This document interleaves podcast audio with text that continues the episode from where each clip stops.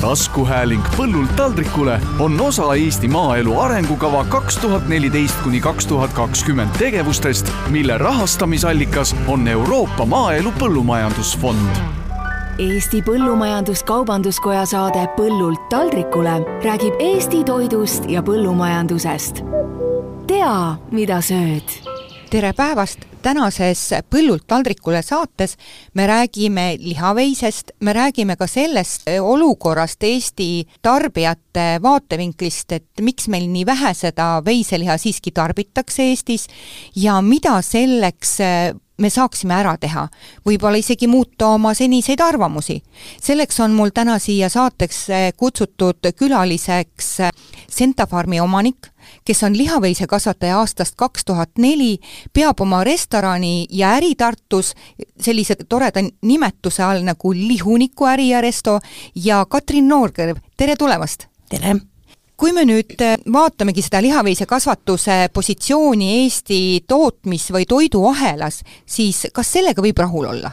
nii ja naa, et kui mõelda selle peale, et Eesti on väga rikas rohumaade poolest ja on seda ajaloos, ajaloost peale kogu aeg olnud, aga me siin viimase kümne-viieteist aastaga oleme ka päris palju oma rohumaid üles kündnud ja teraviljakasvatuse alla pannud, võib-olla ka sellise teraviljakasvatuse alla, kus tegelikult õiget saaki ei tulegi, lihtsalt toetuste motivatsioon on olnud selline, et selle pealt teenib raha, siis ma arvan, et tegelikult ei või rahul olla, et meie looduslikud eelised annavad kõik selle, et me võiksime väga head liha, veiseliha kasvatada ja seda ka müüa ja tarbida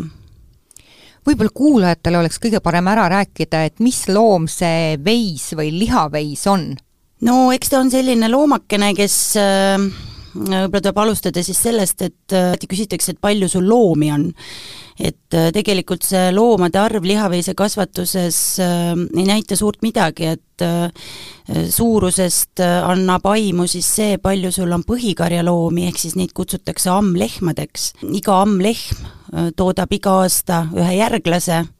ja noh, loomulikult siis, kui on juba järglased ja siis,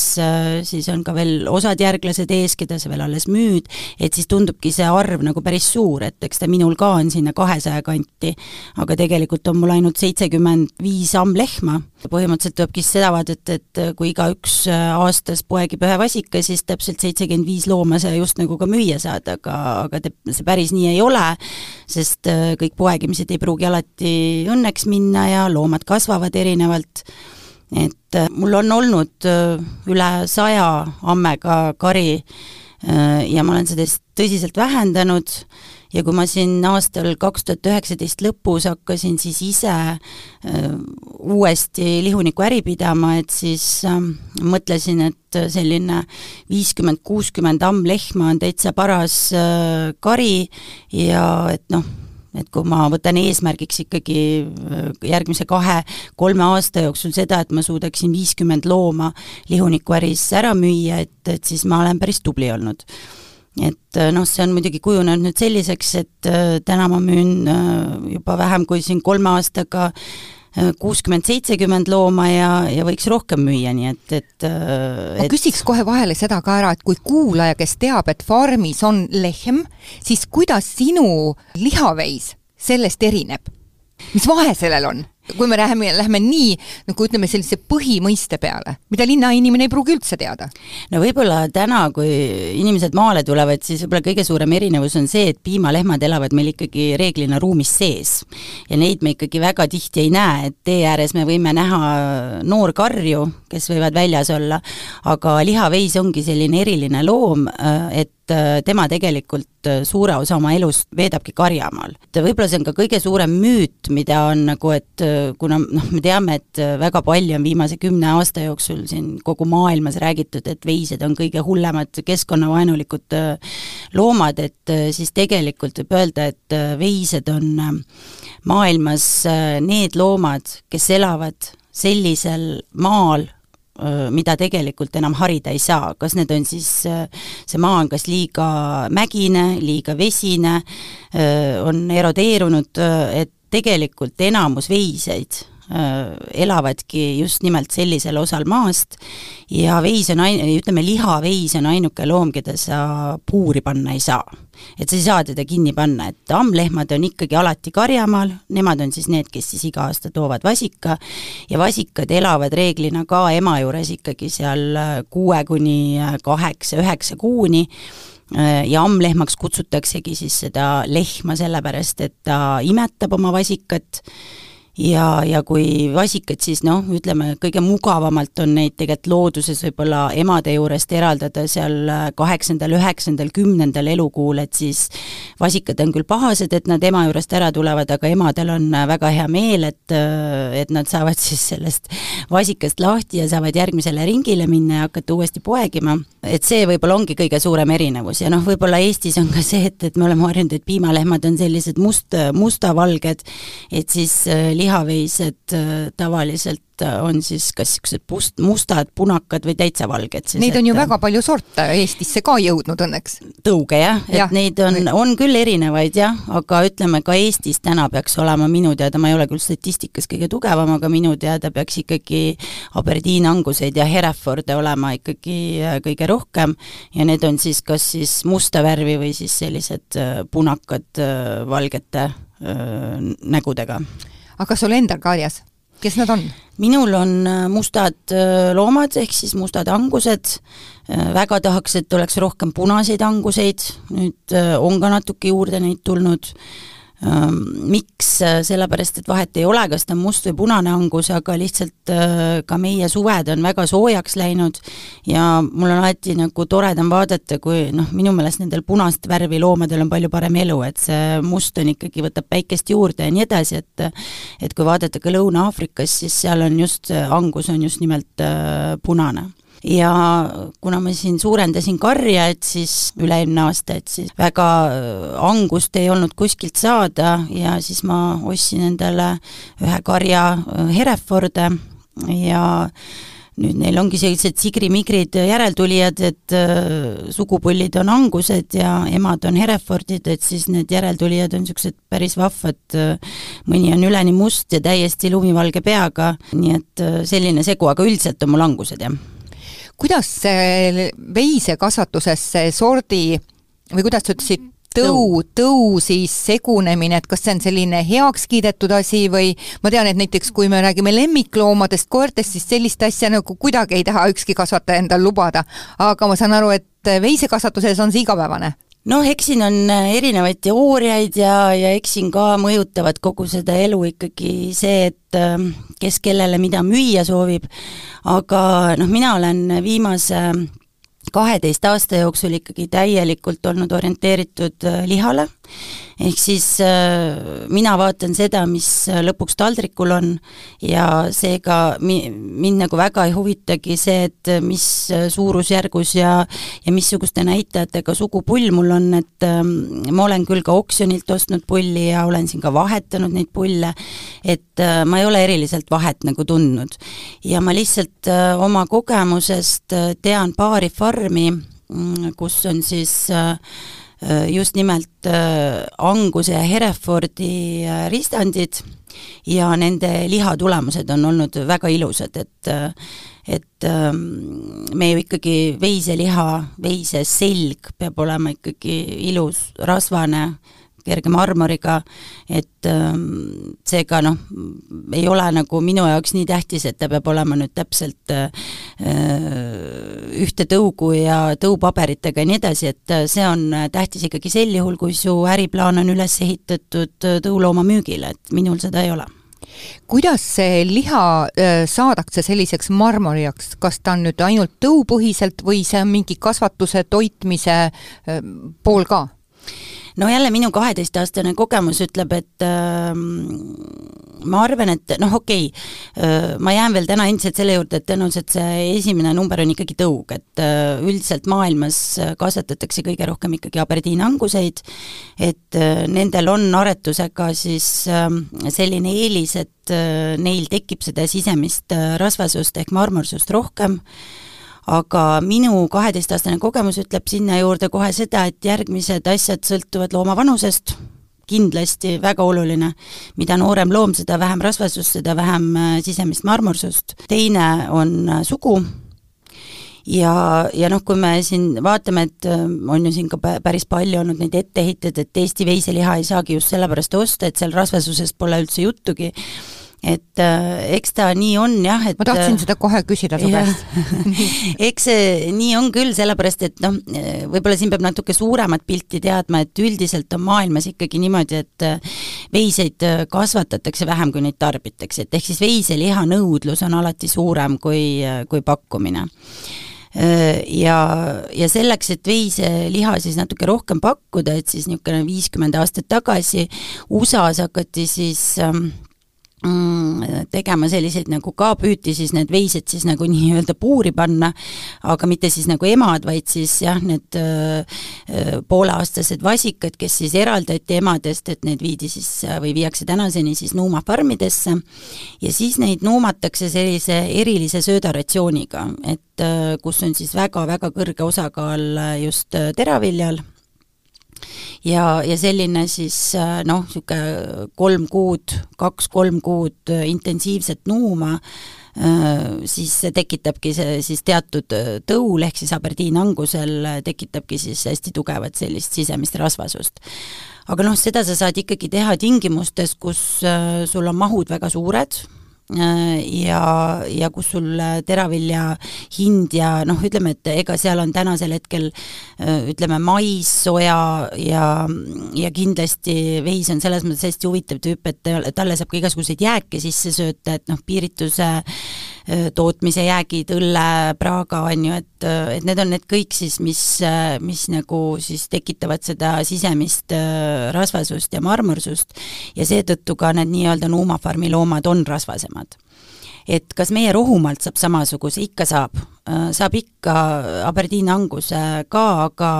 see võtab aega. et äh, ütleme nii, et mina olen täna oma lihunikuäris ikkagi näinud, et kui sul on kolmeaastane mullikas,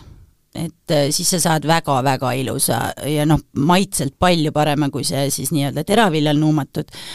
aga noh, lihtsalt kolm aastat äh, looma kasvatada läheb natuke liiga kulukaks, et äh, tarbija ei jõuaks seda nagu kinni maksta. Katrin, sinu juttu kuulates äh, ma saan aru, et väga paljud tarbijad üldse on nagu väärate eeldustega. kui nad lähevad poodi veiseliha ostma, siis nad millegipärast otsivad seda täiesti taist äh, ilma igasuguse rasvasuseta liha aga sind kuulates ma saan aru, et tegelikult on see rasva olulisus väga noh, nagu must või et see et see määrab selle maitse. jaa, no tegelikult on äh, ka siis see on kõikidel lihadel nii, et äh, äh, rasv kannab maitset, et see on väga oluline komponent, noh, veiseliha on selles mõttes natukene. Ütleme jälle, et kui vaadata suurt pilti, siis äh, et ka nagu seesama teema, et noh, et, et Eestis äh, miks me ikkagi nii vähe seda veiseliha tarbime ja et kas meil ei ole traditsiooni ja et meil on mingi generatsioon vahelt ära kadunud, kes ei oskagi nagu veiseliha tarbida. aga tegelikult, kui vaadata suurt pilti, siis noh, nii nagu ma ütlesin, et ega veist toodetaksegi, ta on suur loom, ta toob ühe järeltulija, tema tootmine ongi kallis äh, ja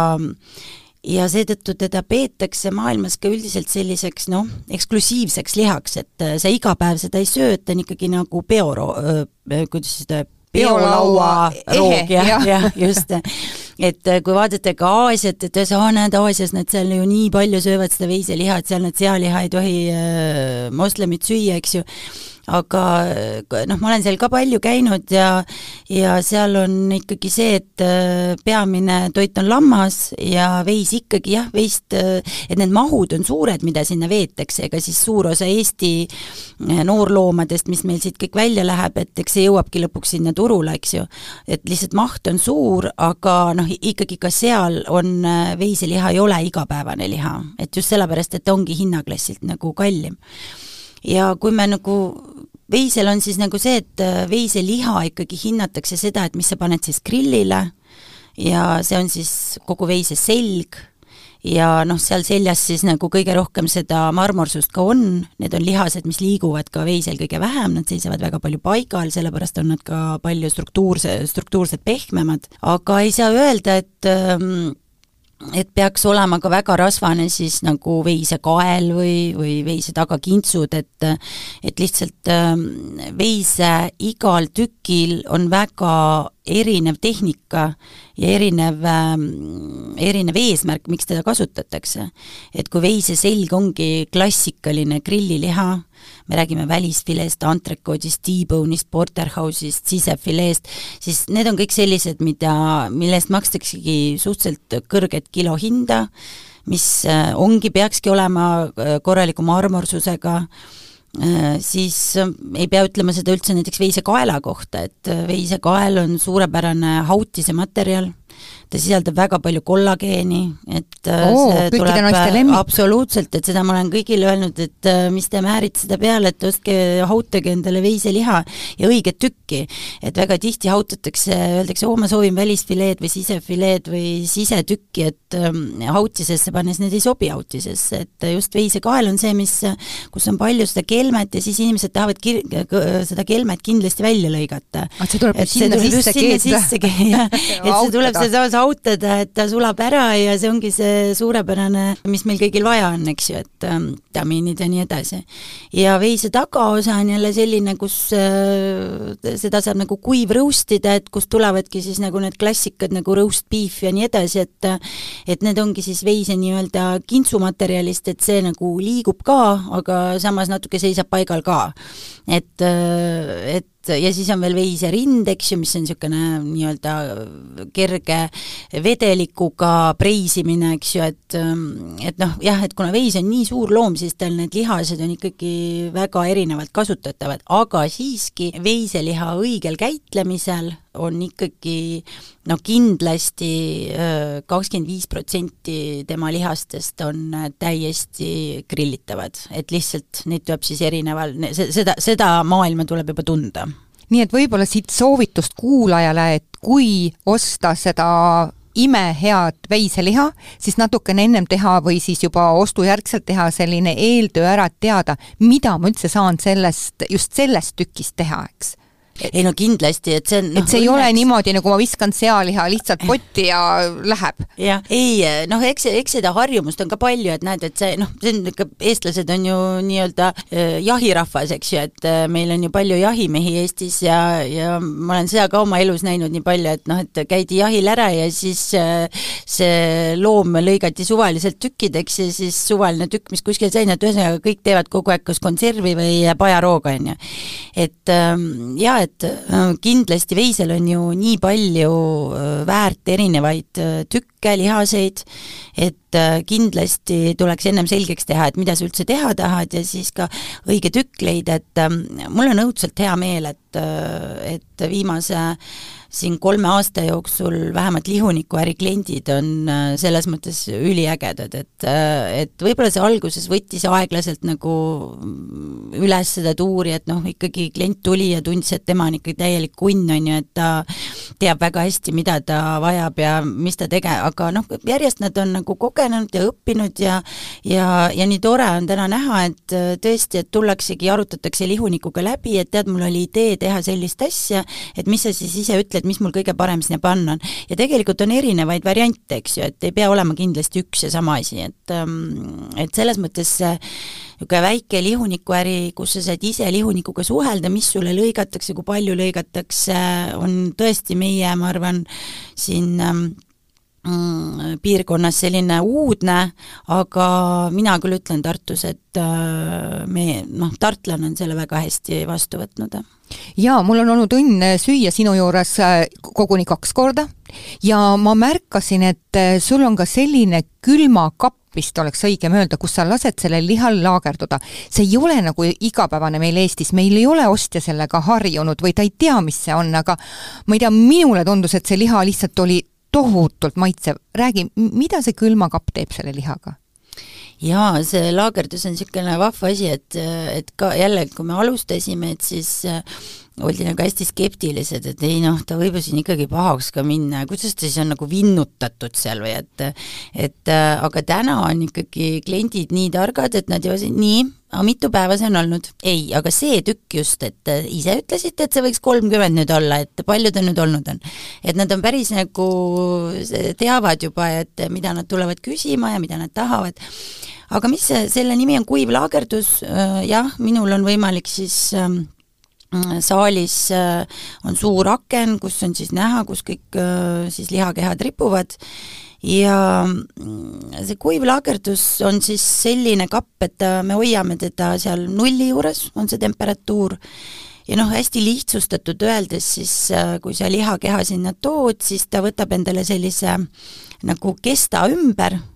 ja põhimõtteliselt see mikrobioloogia, mis seal kesta all on, jääb siis nagu nii-öelda selle värske liha mikrobioloogiaks, et et on ka nagu nii palju neid müüte olnud, et oo, Eestis ei tohigi üldse kuivlaagerdada, et meil pole neid kriteeriume, et ja seal ei olegi vaja mingeid kriteeriume, et su liha peab olema alati vastama seadusest tulevatele mikrobioloogilistele nõuetele ja kui see sul vastab, siis kuivata või tee, mis tahad temaga, eks ju. aga noh jah, see, see mõte ongi selles, et tal on, tekib see kiht ümber ja siis Äh, mikrobioloogia jääb seal äh, püsima äh, ja noh, mis ta teeb suures pildis, teeb kuivlaagerdus ikkagi seda, et sealt hakkab siis noh, loom nagu inimenegi, ikkagi koosneb seitsekümmend protsenti veest ja vesi hakkab välja aurustuma. ja see toob esile liha maitse. ja kuna meil Eestis tõesti on seda, mida esile tuua, et see ongi jälle see meie tõeline eripära, mida mitte kuskil mujal maailmas ei ole, et meil on nii liigirikkad rohumaad ja noh, kuna minu loomad kasvavad kõik ainult äh, siis looduslikel rohumaadel ja, ja minu õnn on see, et mul on, et ma asun siis sellise Koiva mustjää maastikukaitsealal seega sul on maheliha? Äh, no maheliha niikuinii jah, aga, aga et äh, minu loomad söövad ka väga-väga liigirikast äh, toitu ja see kajastubki nende maitses. ja nüüd noh, nagu me ütlesime ennem, et rasv kannab maitset, siis, siis samuti väga heaks teeb ka see, et kuna siis lihakeha seisab kapis, enne kui me teda lõikama hakkame, et siis on ka vesi välja aurustunud ja see toob siis nagu selle maitse eriliselt esile ja teine osa, mis see kuivlaagerduskapp teeb, siis et see annab siis võimaluse selleks, et sa saad kasutada ka võib-olla selliseid lihaseid lihtsama steigina, äh, mida tegelikult ütleme noh, värske lihana sa ei saa teha, et ta ei ole lihtsalt inimesele söödav, et noh, ta jääb niisugune nätsuks et ähm, aga noh, seal on juba oma nipid, et äh, igal lihasel on siis meil ise teada, et kui kaua me siis mingit lihast äh, kapis hoiame, et siis tekiks tast selline ka noh, inimesele niisugune päevasteigiliha, jah kas seda mm, sinu külmakapis hoitud liha tuleb kuidagi ka teistmoodi valmistada või siis läheb juba nagu samamoodi, nagu retseptiraamatud näevad ette? üld, üldiselt näevad ikkagi ütleme, samamoodi nagu kõik, kõik, kõik muu, aga lihtsalt jah, et, et noh, see värskus ongi erinev, et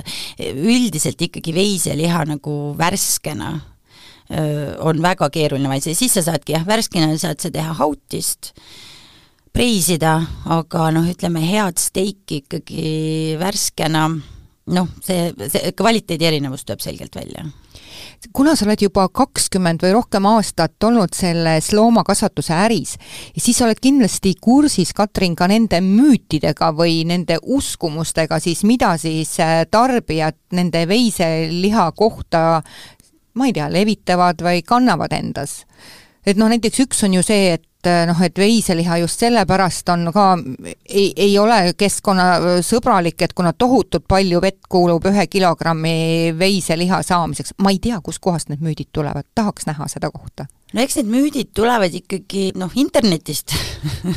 Nii nagu nad ikka tulevad, et keegi on kuskil teinud mingi uuringu, siis see uuring on kuskile üles pandud ja siis seda levitatakse, et jah, see vee, vee kasutus on üks kõige müstikamaid asju, aga noh, ma võin täiesti julgelt käe südamele pannes öelda, et veis tarbib üheksakümmend neli protsenti oma öö, veevajadusest rohelisest taimest ja looduslikust veekogust. jah, need veised, kes viiakse siis nuumafarmidesse, äh, aga ka sõltub, tänapäeval on need väga palju, mina olen käinud täitsa Jordaania väga suures kõrbes, kuhu siis need meie Eesti veised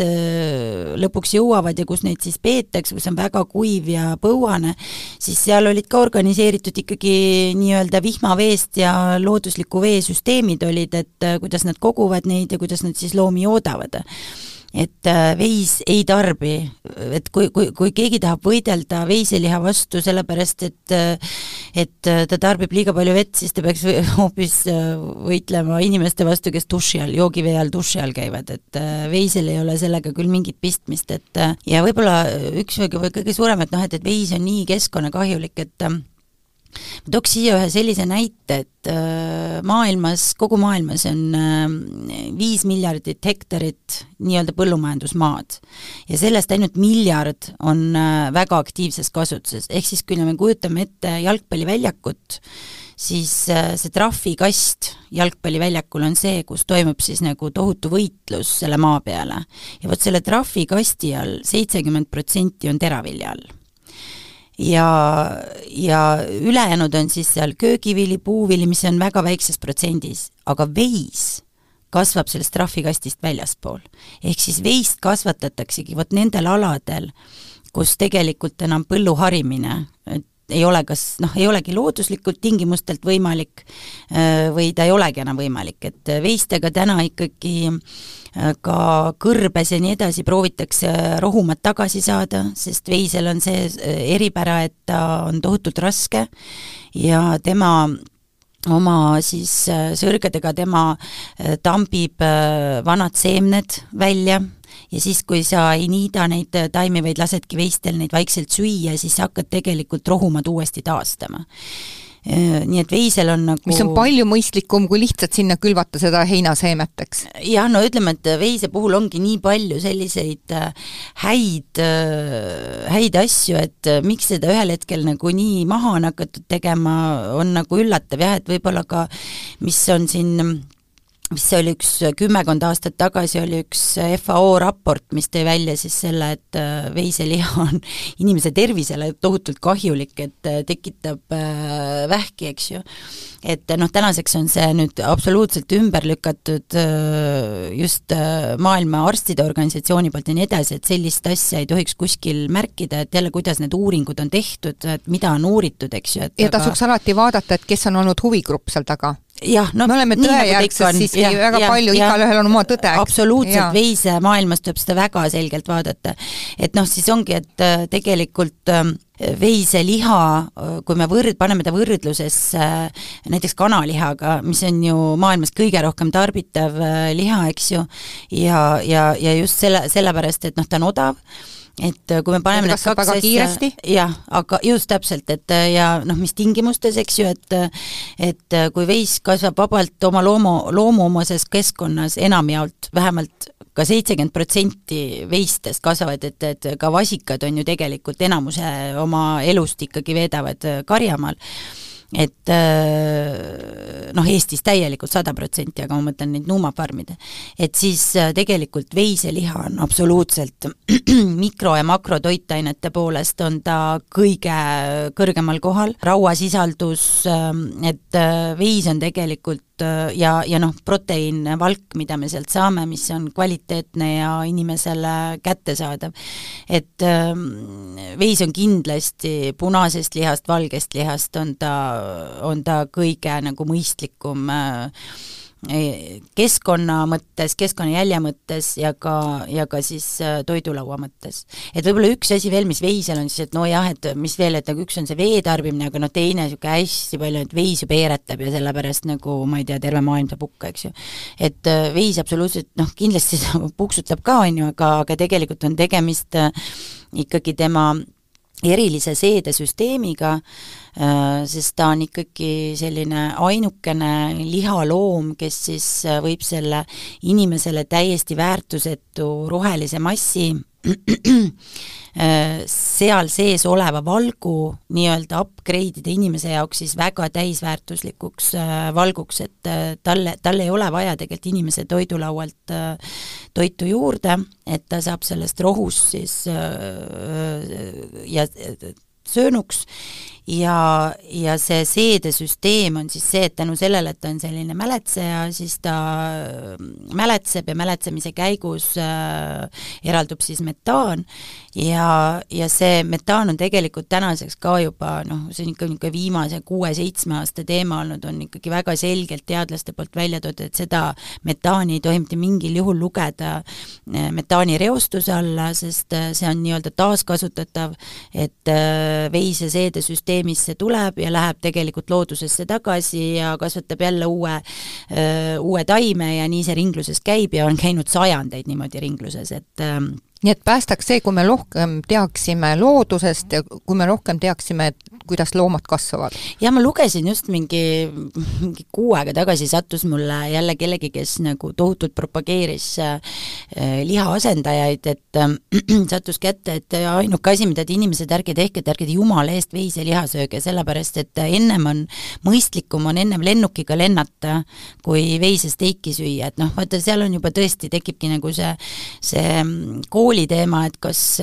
noh, metaan ja siis äh, süsihappegaas on ju, või, või noh, fossiilne kütus ja nii edasi, et noh, kas neid nagu saab omavahel üldse nagu võrrelda, et ka kaks väga erinevat asja, et üks jääb siia maailma alatiseks ja teine nii ehk teisiti tegelikult äh, nii-öelda läheb loodusesse tagasi, eks ju, et ähm, et see võib-olla on ka jah, üks, üks teema, mida on nagu hästi vääralt äh, kasutatud. et kindlasti noh, veistega seos metaanil on ja see tulebki siis äh, nii-öelda siis nendest äh, suurfarmidest, kus läga kogutakse, et kindlasti lägahoidlad on, e-, eraldavad siis metaani, aga aga ka seal on tehtud tegelikult uuringuid, et need riigid, kus on ka väga mõistlik lihaveisekasvatus rohumaadel, siis üldiselt see lihaveiste kasvatus nagu nii-öelda tasakaalustab siis selle metaani osa, mis tuleb siis nagu ka piimafarmidest, et et, et see on niisugune suhteliselt tasakaalus asi, et ma eeldan, et meil Eestis võiks ta olla ka, kuigi me siin lihaveisekasvatust just väga suu-, väga suur meil ei ole. ja õnneks on hakatud rääkima ka seda, et hakatakse tootma rohkem ka biogaasi, nendest samadest äh, läga kogu, kogumise kohtadest, eks kuigi need on väga kallid ja suured investeeringud, aga ma loodan, et ka see läheb rohkem Eestisse käima, see pool, nii et Ähm, ma küll ei näe, et siin oleks mingisugust äh, takistust või tõrget võiks olla tõesti veiselooma kasvatamisel. mida ma veel tahtsin küsida, oli see, et, et mis siis oleks nagu need äh, soovitused ikkagi, et mida siis, äh, sa küll toredasti mainisid ära, et mis siis mingi tükiga saaks teha, aga ausalt öeldes olen mina näiteks, Katrin, käinud sinu juures magustoitu desserti söömas ja ma, kui ma pärast oma sõpradele lasin ära arvata, siis mitte keegi ei arvanud ära, mida pannakse sinu äris jäätise sisse jaa, aga no see ei olegi nii väga originaalne, tegelikult selle luudi jäätise, issand jumal, juba vist äh, küll seitse-kaheksa aastat tagasi tegi minu arust, minule esimest korda vähemalt äh, selline kuulus kokk nagu Peeter Pihel ja tema, tema algatusel me vist hakkasimegi seda lihunikust ka tegema, aga noh, eks ta on niisugune väga lihtne asi, et äh, õiget jäätist teed ikkagi õigest rasvainest, eks ju, ja, ja eks see luuüdi ongi see hea rasvaine, mis selles jäätises on kasutatud. ja kuulajale vahele öeldes, et täiesti väär oleks arvata, et seal on puljongi maitse, seal oli nagu super hea siidine jäätise maitse. ja, ja see on, see on veel ka selles mõttes, et kui me vist mõned aastad tagasi tegime siin Äh, maitsva Tartu ajal oli meil äh, luudijäätis magustoiduks, siis äh, tegelikult me lisasime ikkagi marjad sinna, mm, sest äh, ikkagi ei julgenud sellises kampaania ajal, kui käib väga palju inimesi, et äh, ei julgenud inimestele seda puhast luudi jäätise maitset anda ja me ikkagi oleme teda natukene ikkagi alati nagu turgutanud mingite marjadega, aga Äh, ma tean, kui ma esimest korda viisin ühe niisuguse korraliku geenitäie jäätist äh, maale, meil oli seal äh, üritus, noh täna maal, täna ongi see minu kodu, et viisin Mõnistesse ja siis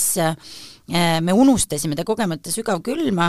ja me tulime tagasi ja ma ütlesin, et aa, et aga meil on see jäätisepõhi olemas, eks ju, see oligi puhas nüüd luudijäätis, seal ei olnud mingeid äh, juurde pandud. et ja siis ma otsisin, et seda ei olnud sügavkülmas ja siis ma küsisin isa käest, et äh, kuule, et kus see jäätis, aa, see oli nii hea, ma sõin selle kõik ära.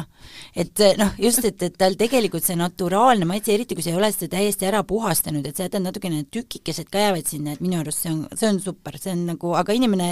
nii nagu inimene ei julge süüa veisekeelt, on ju, et siis ei tohi talle öelda seda, et siis ta saab aru, on ju, et ma ei tea, miks inimestel käib see nagu ma ei tea, kuidas nad nii mõistmatud on, see on ju ometi imehea. on ja veise suitsukeel on super.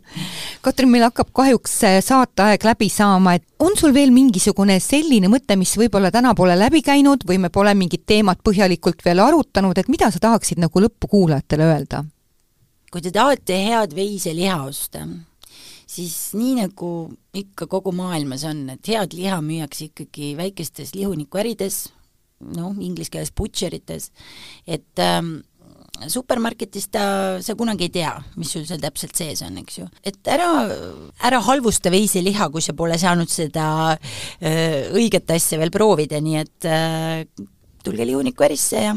katsetame jaa, andke endale võimalus. ja täna oli saates külaliseks Centafarmi omanik ja lihunikuäri ja restorani omanik Katrin Noorkõiv ja mina olen saatejuht Juuli Nemvalts. Eesti Põllumajandus-Kaubanduskoja saade Põllult taldrikule räägib Eesti toidust ja põllumajandusest. tea, mida sööd